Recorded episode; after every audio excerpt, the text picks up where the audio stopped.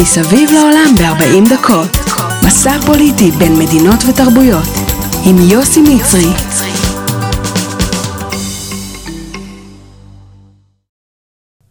שלום לכולם וברוכים הבאים לעוד פרק של מסביב לעולם ב-40 דקות.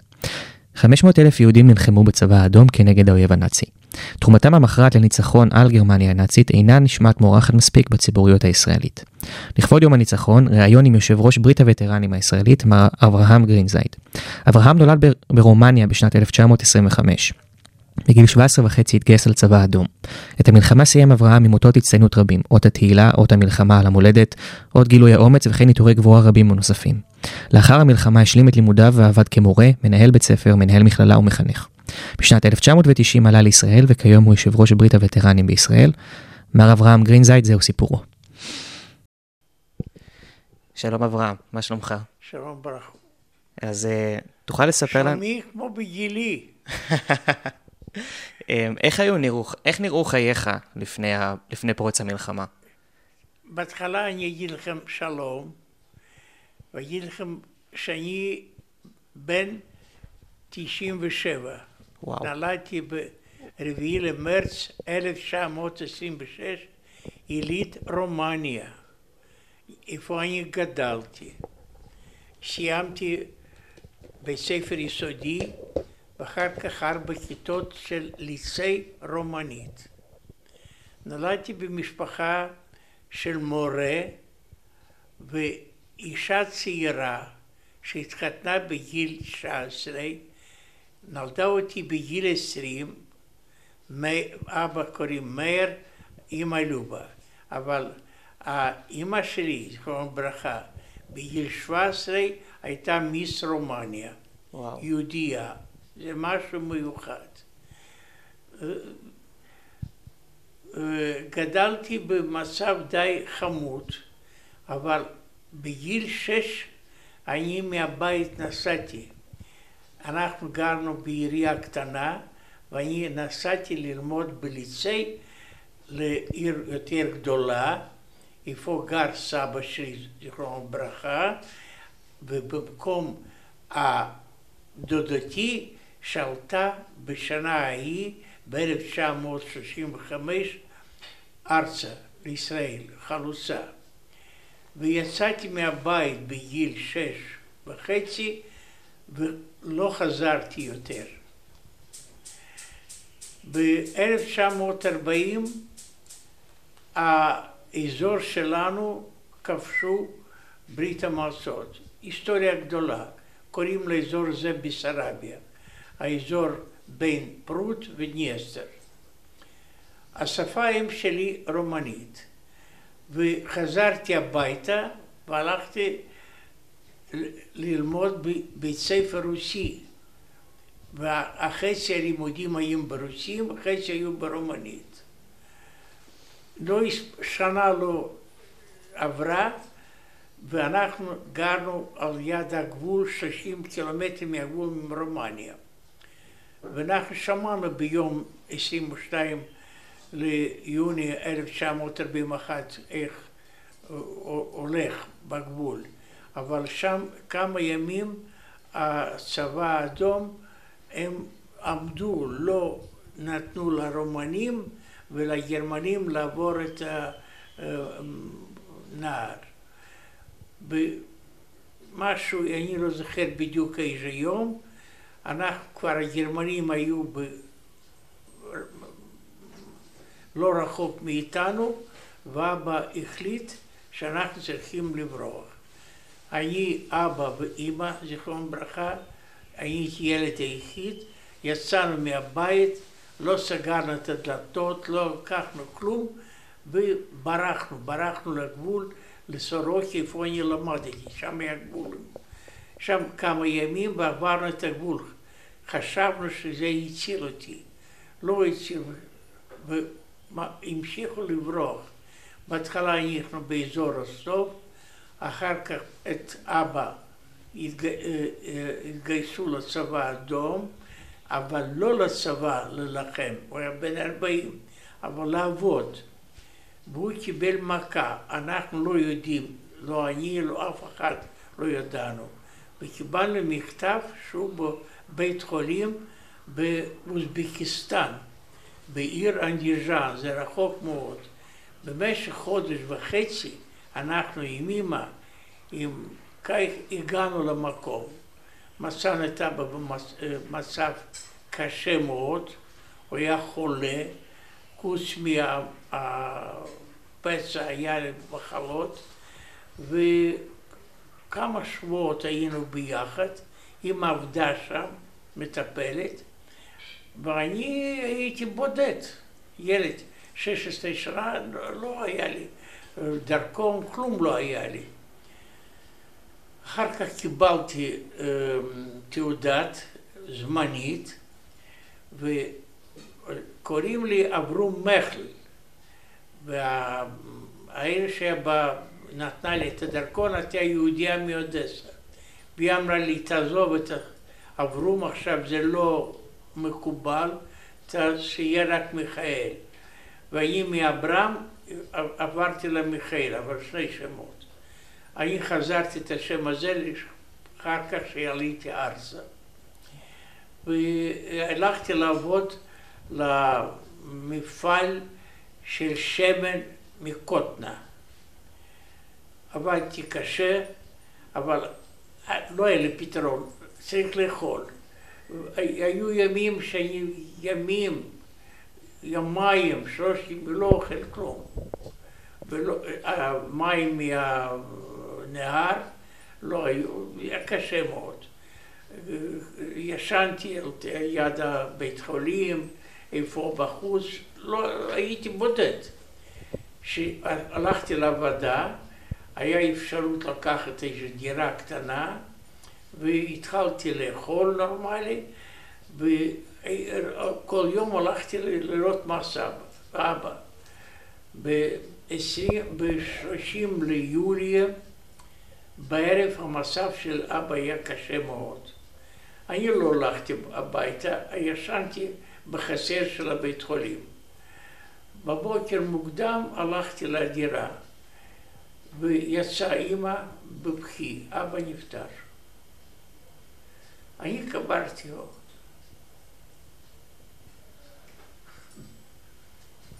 ובאיזה גיל החלטת שאתה... עשיתי הכל לבד. מתגייס לצבא האדום? לא, זה היה... אין לי מילים. קברתי וראיתי, והלכתי, סיימתי, אבל אני עבדתי ישר מהבית עלמין, אני הבאתי את אימא לבית חולים, היא הייתה חולת טיפוס. ואני צריך, הייתי צריך להציל אותה, איך? הייתי קונה גיל אשל כזה מיוחד, עולה הרבה כסף, אבל היה לי כבר, הרווחתי, וכל יום הביאו את אשל לבית חולים. אני לא נכנסתי לבית חולים דרך הדלת למישהו נותן, וכך במשך חודש משהו. היא יצאה משם כמו אישה בת שמונים. שתי טיפוסים. הקשה, היא לא עבדה, אני עבדתי, הייתי עובר אוכל, ארוחת צהריים, קניתי משהו ללבוש, והבני דוד שלי גר בצ'ילאבינסק. הבנות שלו היו שם איתי, אחת חולה והשנייה עבדה, והוא הזמין אותם, והוא כתב לי מכתב שאמא תבוא. הוא אמר, אתה בן 16 וחצי, מחר, מחרתיים תלך לצבא. אני הסכמתי, אבל היה מסוכן. נשארתי לבד. לבד בין אוזבקים, לא מכיר את השפה, אבל כל יום אני עבדתי, יום ולילה. ב-1943 התגייסתי. ולא שלחו לי מיד ביחידה, אבל חודש הייתי במקום. מדוע? בזה שהייתי מבסרביה, האלה שבסרביה לא לקחו לצבא. סוף סוף אני בן אבא שנפטר שהיה בצבא, התגייסו אותי ושלחו ליחידה, לסמרקנד. הייתי בהתחלה בבית ספר לקצינים, זרקו אותי משם, לא ידעתי את השפה הרוסית. ושלחו ליחידה. שם אני למדתי ביחידה של מודיעין וצנחנים. לא, הילד מסודר, שבע חודשים, הרבה, אבל לימדו בגדול. אני אמרתי בפגישה עם הרמטכ"ל ועם הגנרלים, יש התעודה, למדו להרוג את האויב, אם לא, הוא יהרוג אותך. ולמדו איך להרוג. זה היה מקצוע. ב-1944 שלחו אותי טוטו. תוכל לספר לנו קצת כן. מה, מה עשית במלחמה? הגעתי לאסטוניה, והקרב הראשון בטרטו. אבל הייתי ביחידה, יהודי ביחידה מודיעינית, אחד. היו איתי שני אוקראינים, קורינוי וסירנקה, אני זוכר את כל אחד. ברשב וניה מאורנבורג, נוז'נוב מרוסטוב, ניבייב מסיביר, כל מיני, גם גרוזינים, אנחנו 13, אבל יהודי אחד. אני עוד פעם אומר, אלף פעמים אני אומר את זה, לא הרגשתי שאני יהודי בין הקבוצה הזאת. לפנינו היה פתרון אחד, ללחם, תהרוג את האויב, אם לא יהרוג אותך. יחידת צנחנים, זרקו אותנו לעורף של הגרמנים. אבל למדתי לעבוד עם המכשיר רציו, A7A, חדשה. למדתי שבועיים, אבל הייתי לא גבוה, המספר שני היה וניה ברשף, הוא היה יותר גבוה. מדוע? הרציה על הגב, והוא יכול לקרוא וללמד. אני לא יכולתי להקים את הראש ככה. אסטוניה סיימו, שלחו אותנו לפולין.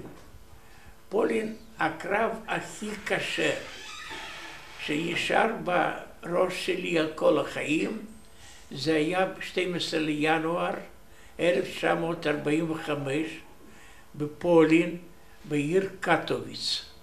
קטוביץ הייתה עיר שכבשו את הגרמנים מהפולנים. באמת אמרתי. ושם היו גם גרמנים וגם פולנים. אני זוכר כל אבן, אנחנו נכנסנו ב-12 וחצי. אני זוכר טוב שקצין, אה, אני לא הכרתי, בא ואמר לי, תשמע, ילד, הגרמנים את היהודים בשבי לא לוקחים, הם הורגים אותם. אני לא שמתי לב מה שהוא אמר. אני חשבתי איך להכניס את הרימונים, את הסכין, איך לסדר, מה, איך אני אעשה, מה אני אעשה. אבל אחר כך אני שמתי לב מה אמר. קרב היה קשה מאוד. אנחנו איבדנו שני אנשים בקרב הזה. במודיעין, אבל איבדנו, מדוע? אנחנו, אה, אה, הגרמנים עשו מסביבנו אה, מצב כזה שאנחנו נשארנו במרכז עד הבוקר. בבוקר יצאנו מהמצב הזה, נכנסנו לקטוביץ. אחר כך היה נייסה, נהר נייסה, אחר כך עיר נייסה, אחר כך היה אודר, אחר כך היה בובריק, אחר כך היה בויטן, בגרמניה, זה היה גרמניה. אבל אנחנו לא הלכנו לצד ברלין, אלא לצד צ'כיה. ואני אחד מאלה שאנחנו לחמנו בת פראג, ברנו, פראג והלאה. בשמיני, אני מספר בקיצור, מלחמה קשה מאוד, אלפים נפלו, אין מה לדבר. בין כל הקרבות אתה הרגשת שונה כיהודי? אה? בין כל הקרבות אתה הרגשת שונה כיהודי? זאת אומרת, הרגשת שאתה נלחם... אני נפגשתי יהודים שהיו באוספנצים, אני נפגש, אבל לא נכנסתי ליחסים. לא נכנסתי, עוד מעט. לנו היה אסור לדבר עם אנשים שמצד. זה לא היה פשוט. וכל הזמן היינו במצב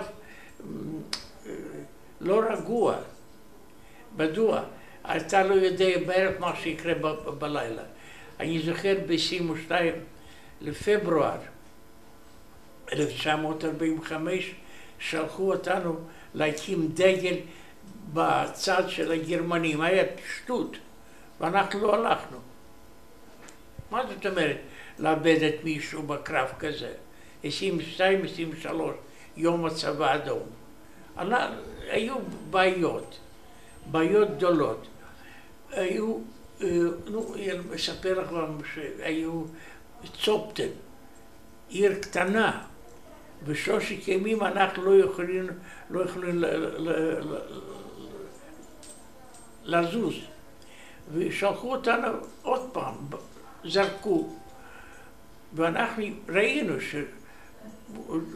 שאחור כל בית עומד טנק של הגרמנים. זאת אומרת, אם הולכי רגל ילכו קדימה, הם יפלו כולם. זאת אומרת, אתה צריך תותחים, רקטות והלאה והלאה.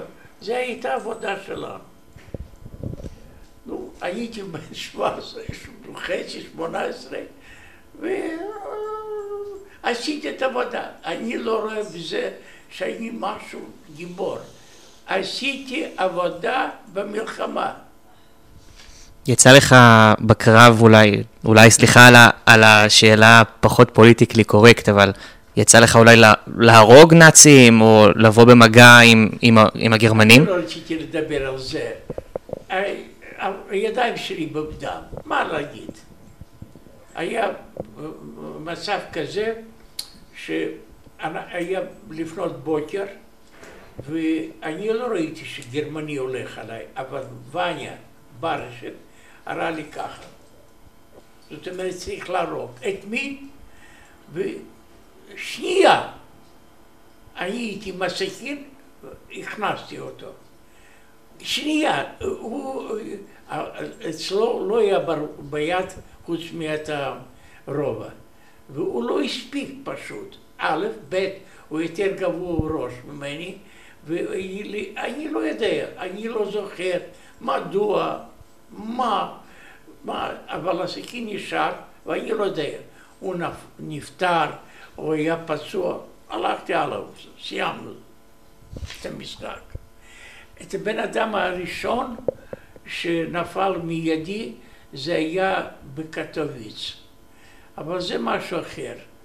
אני לחצתי על ה... כפתור ולא יכולתי את ה...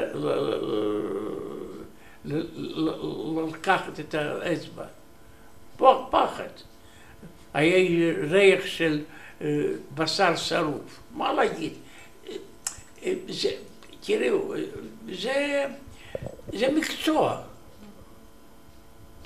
הרגשת שאתה נלחם מלחמה יותר חזקה כיהודי? אני במכתבים שלי לאימא אני, יש שם מכתבים במוזיאון ברחובות, אני כותב, כמה בעד האבא שלי, בעד הבית שנשרף, בעד הדוד שנפל, אני כותב את זה. אבל לא כל פעם, צנזורה, בודקים. אני, אמא, יש מכתב, כמה ימים אני לא אשלח לך מכתבים. זאת אומרת, זרקו, אני יודע איפה זה היה. תשמע, המחשבות עכשיו החליפו, ואני לא רואה בזה משהו, אבל העיניים היו כל הזמן בדם. ילד. אני גרתי וגדלתי במשפחה איפה לא שותים וודקה, לא, איפה חג איזה חג, אבל אנחנו שומרים את כל המסורת היהודית, כל היה בבית. סבא שלי הגבאי בבית ספר, זיכרונו לברכה, יהודה לייב דלי, והיה, מה זאת אומרת? ואני שכבר חזרתי לבולשביקים, הייתי מנהל לבית ספר, גם שמרתי את המסורת. וזה אני הייתי ברית מילה לנכד שלי, עכשיו הוא בן 43, עשיתי שם אצל הבולשביקים. חופה לבת עשיתי שם. יום כיפור זה יום כיפור, זה משהו אחר, אני אגיד לך. מלחמה נגמרה. בשמיני למאי זרקו לנו מכתבים מהאווירון לעצור, לא, לא, לראות יותר. מה עשינו? בכינו. מדוע? איך? המלחמה נגמרה, אנחנו לא תפסנו את היטלר. היטלר כבר היה מת בזמן הזה. אנחנו לא ידענו. והתרגשנו, מה זאת אומרת? אנחנו כבר התרגלנו קדימה. ומולנו בצ'כיה היו יחידות של רוסים. ולסוב, אני לא שכחתי את זה. לא שכחתי את בנדרה, לא שכחתי את היחידות. סיימה המלחמה, אנחנו עמדנו כמה ימים, כמה שבועות בצ'כיה, אחר כך עברנו לגרמניה, אחר כך לקחו מאיתנו את כל הנשק ועברנו דרך כל אירופה, מגרמניה לאוסטריה, מאוסטריה ליוגוסלביה, מיוגוסלביה להונגריה. בהונגריה אנחנו הייתי שנה. הארמיה, איך להגיד, היחידה בגרמניה, התשעי, המנהל שלנו היה, המפקד שלנו, גנרל גוסיף, הוא נהרג בתאונה אווירית בגרמניה, בהונגריה. אחר כך חזרנו לברית המועצות, ואנחנו עמדנו אצל מוסקבה, אבל היינו יחידה של צנחנים, והסיירת כאן, אתה מבין, יחידה 103, ולא סבלו אותנו אצל מוסקבה, עברנו לבלרוסיה, וטרנפולוס, אחר כך ויטבסק. שם עד 1950 התחלתי לנסוע הביתה לחופש עשר יום פעם בשנה. אימא חזרה מסיבריה, עוני הכי גדול. אבל בצבא לא רציתי להישאר. לא היה לי השכלה, ואני הבנתי שזה לא, לא המקום שלי. אני אהבתי את הצבא, הייתי במצב יפה. שמונה שנים, זה התרגלתי. חזרתי הביתה, עוד פעם אומר לכם, עוני. הייתי הרבה פעמים רעב, הלכתי לעבודה, סיימתי את הבית ספר בערב, אבל עשיתי שלושת כיתות בשנה וחצי. אקסטרן, אה, אה, למדתי, מה שכן, אני התרגלתי בחיים ללמוד, אני אמרתי לך, חוץ מראש צריך גם תחת. עבדתי, למדתי, סיימתי בית ספר אה, תיכון ונסעתי לקישנב לאוניברסיטה. בזמן הזה אני הכרתי את אשתי. מה אשתו? אשתי, זיכרונו לברכה, היא שהייתה בת תשע, היא נשארה במקום ואני כבר הכרתי את המצב, מה שעשו גרמנים, שרפו את הבית, הכל. היא הייתה בגטו, באוקראינה, עם ההורים ועם האח שלה. ב-1944, ב-17 למרץ, הצבא האדום נתנה להם חופש, והם חזרו הביתה. האח שלה היה יותר גדול משנתיים ממני, מוניה, חמוד מאוד, אינטליגנטי, סיים את הליצי, בחור משהו. והוא הלך לצבא האדום ב-45, הוא אמר, אני יהודי, אני לא רוצה שיגידו שאני לא לחם כנגד הנאצים. לימדו אותה חודש וחצי ושלחו לקרבים. והוא נפל, נהרג במרץ 1945 בהונגריה על יד האגם, אה, שכחתי, לפני כמה שנים הבת של זכרו ברכה עם המשפחה נסעו לשם, יעשו לו מצבה. גם לאבא שלי ב-2017, מכאן אני שלחתי לשם אה, מצבה ועשו לי, ושלחו לי אה, תמונות, רבנים והלאה והלאה והלאה. אה, אחרי שסיימתי את הלימודים, אשתי הייתה, כן, אני באתי ב-1947 הביתה להורים של אשתי, נו, זה היה חבר שלי, הוא יותר גדול, תנחומים לי את זה. והכרתי אותו, היה ילדה בת 14. היא גם הכירה איתי, אבל הייתי בן 20, כבר בואו, עם אותות מהמלחמה. בעוד שנה באתי, היא כבר הייתה יותר גדולה, היא כבר לומדה בבית ספר לרפואה. בעוד שנה אנחנו כבר נשיקות נתנו אחד לשני. אבל בעוד שנתיים אנחנו התחתנו. איזה יופי. הבנתם? זה כל ההיסטוריה. היא סיימה, ואנחנו היינו סטודנטים, אני עבדתי ולמדתי, היא למדה ועבדה. והיה משפחה, אבל לא היו ילדים. סיימנו, שלחו אותי מנהל לבית ספר, לעירייה קטנה, והיא הייתה רופאה שם. שנתיים. בעוד שנתיים אני קיבלתי תפקיד למנהל למכללה למורים. הייתי ילד טוב. בעיר איפה אני גרתי ולמדתי, באותו בניין איפה אני למדתי בליצאי. והיא עברה גם איתי, נולדה אצלנו בת יחידה, עבדנו בעוד כמה ש... אבל מה להגיד לך, אז 21 שנה הייתי מנהל. אני עברתי, מחוץ היה הכל בסדר.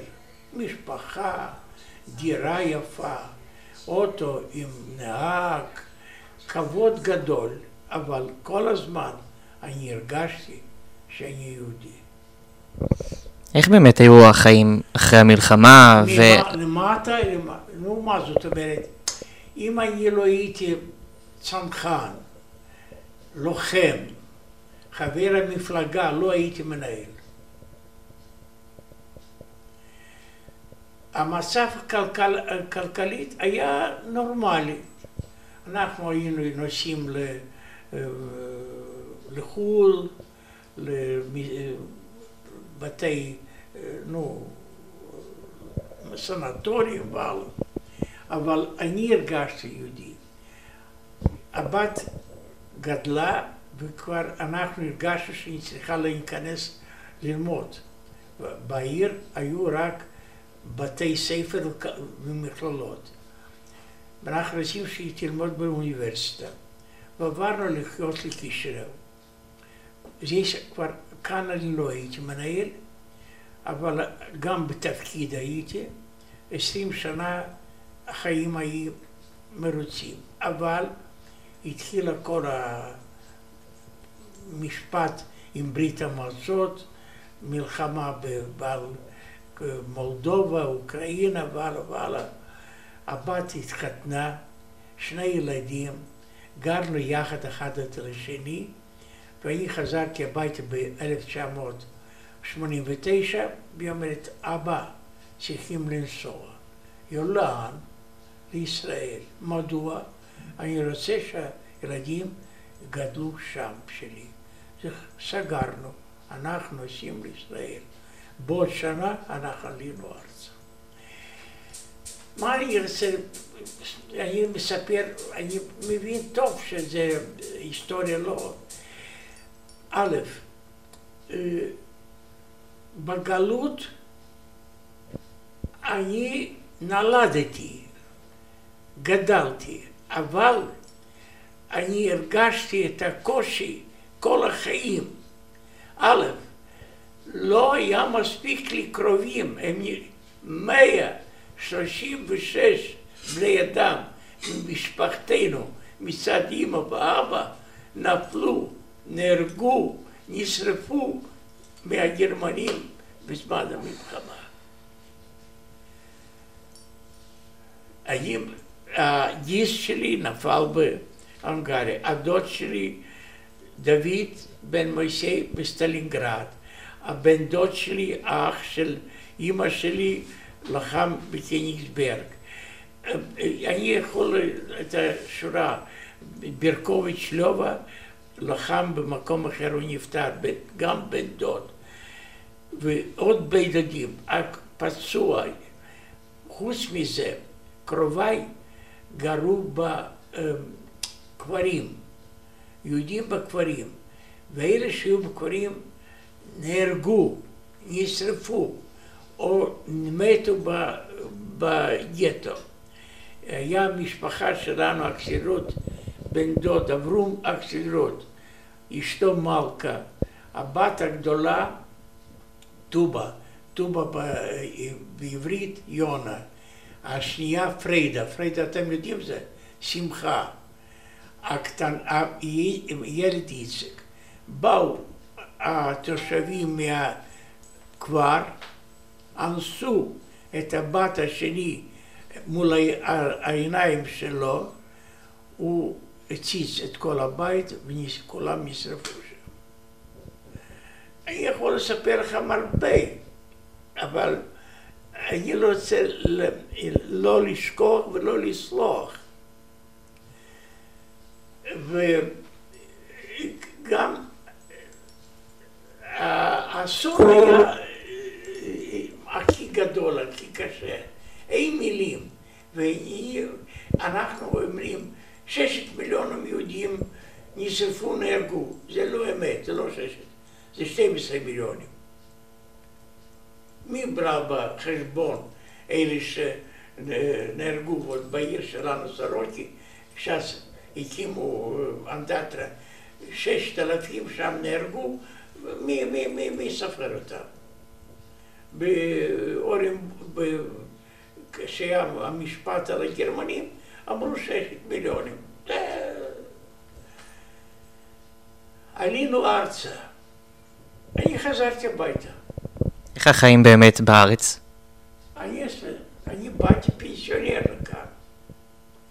אני עברתי אחרי תפקיד של מנהל. אשתי הייתה רופאה ראשית, ובאנו עם, עם מקצוע, הבת שלי מהנדסת מים. החתן שלי גם מהנדס. והתחלנו לנקות את הדירות. מה לעשות, הייתי בן 65 כשעליתי אז. אבל uh, כל המחשבות לתת השכלה לנכדים, נכד ונכדה. ועשינו כל שהיה ביכולתנו.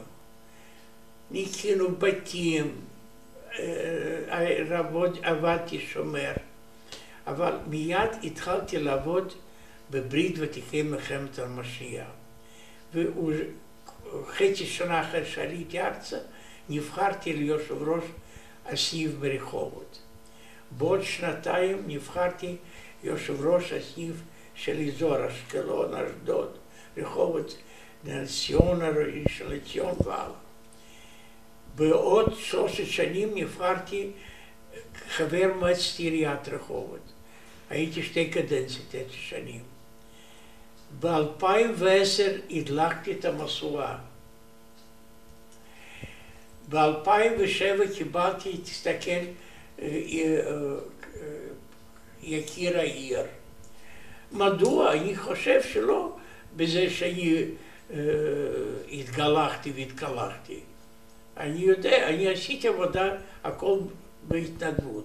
חוץ מזה, אני עבדתי, וביחד אנחנו הצלחנו לקנות לבת דירה, אני קיבלתי דירה.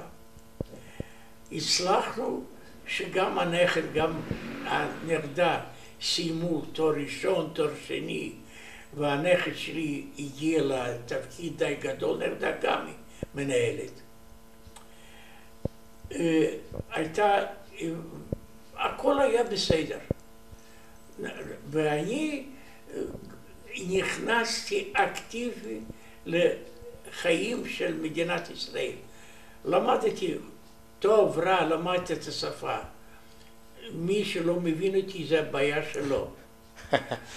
אני מדבר, אני מופיע הרבה מול הסטודנטים, מול הצעירים,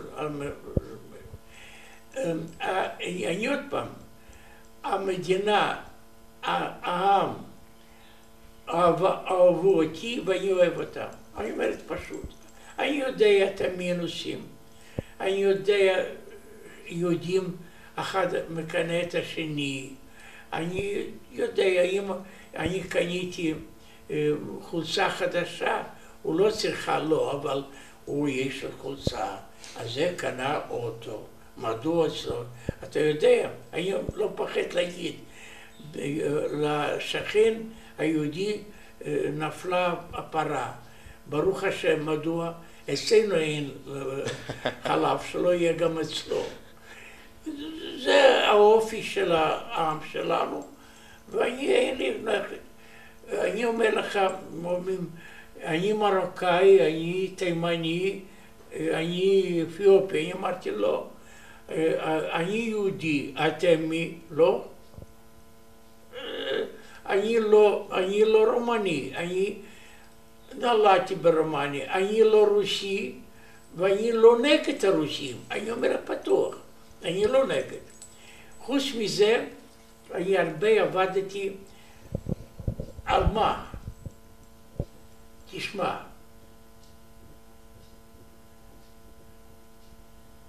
לשמר את כל הרע שהיה ולהזכיר את הניצחון. מה, לאן אני הולך? אצלנו התרגלו לדבר רק על האסון הגדול, שואה. אני מסכים, אבל חוץ מהשואה הייתה גבורה. גם המוזיאון בירושלים, יד ושם קוראים מוזיאון של שואה וגבורה. איפה הגבורה? ואני רוצה שכל אחד בישראל ידע שבמלחמת העולם השנייה מיליון 687 אלף יהודים בצבאות שונות לחמו נגד הנאצים. זה לא אחד, לא היה בהיסטוריה של עמנו. בר כוכבא, חשמנאים, מסד, לא היו מיליון וחצי, שש מאות אלף. זה כואב לי, מדוע? מאלה, מברית המועצות, בצבא האדום לחמו 500 יהודים. כשהיינו שם, אמרו לנו, אתם לחמתם בתשכנת, אתם קניתם את האותות האלה, מה שאתה רוצה. עכשיו פתחנו את האמת, יש מסמכים. 150 גיבורי ברית המועצות. מ-500 אלף יהודים, 217 אלף נפלו בקרב. 120 אלף היו פצועים קשה. זאת אומרת, שבאמת לחמו. חוץ מזה, אנחנו מה עשינו? עשינו, הקמנו ארגון. הוא בן 46, אני אתן לכם מתנה 45, יש לי. ואני נבחרתי לפני 18 שנה יושב ראש ברית ותיקי מלחמת העולם השנייה ארצי. והלכתי בדרך אחרת, אני מורה. טוב יודע את הפדגוגיקה, והלכתי בדרך הזה. להעיר ולהזכיר, שכל אחד ידע, וזה הקמנו 48 מוזיאונים בארץ. הקימו את המוזיאון חייל מלחמת העולם השנייה בלטרון. בנינו, הקמנו, זה לא כל כך כך, 68 אנדטרות. אנדטר בנתניה, אני חושב אתה ראית אותו, לא. אנדטר בירושלים, שבא פוטין לפתיחת גם בנתניה וגם בירושלים. ובירושלים נתן לי נשיקות. היא נתן לי אות, תראה, האות קוראים לה אות חברת, חברות, חברות, דרושבה. אבל אני, האות שלו, אות הנשיא. קיבלתי תעודת הוקרה שנתן פיוטר ראשון. יש לי, גדולה ככה. אני לא רוצים בזה.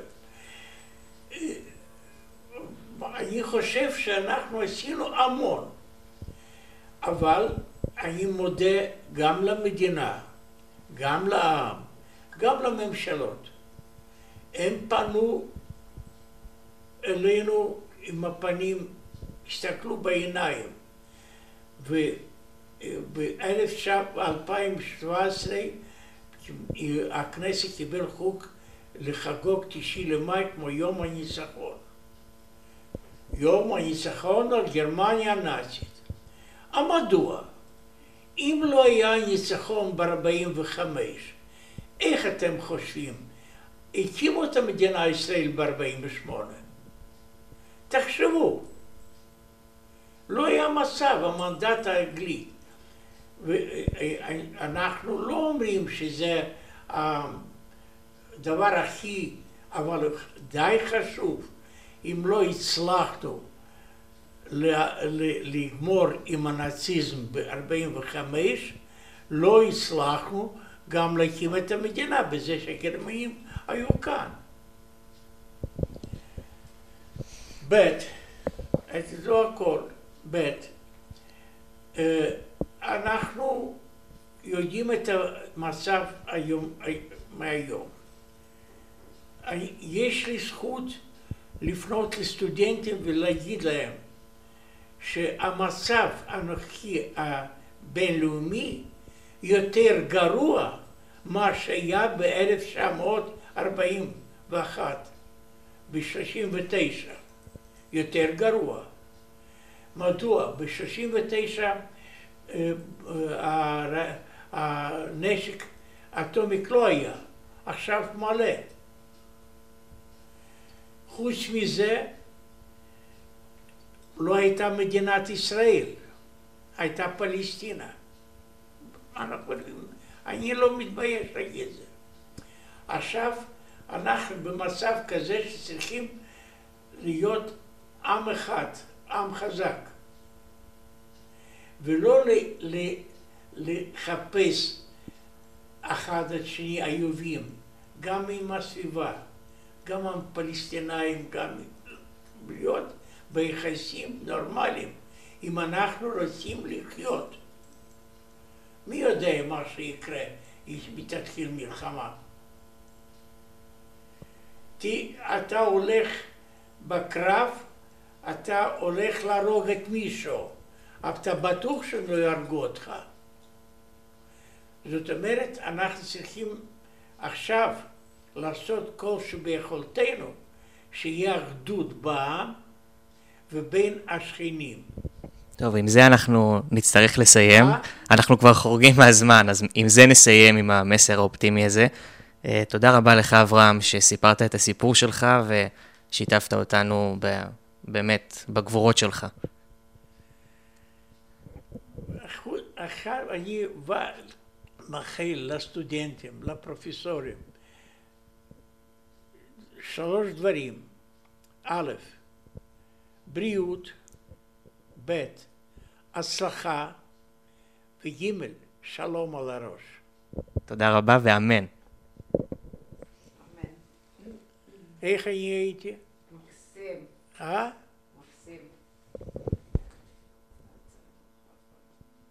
מקסים. כמה הולך?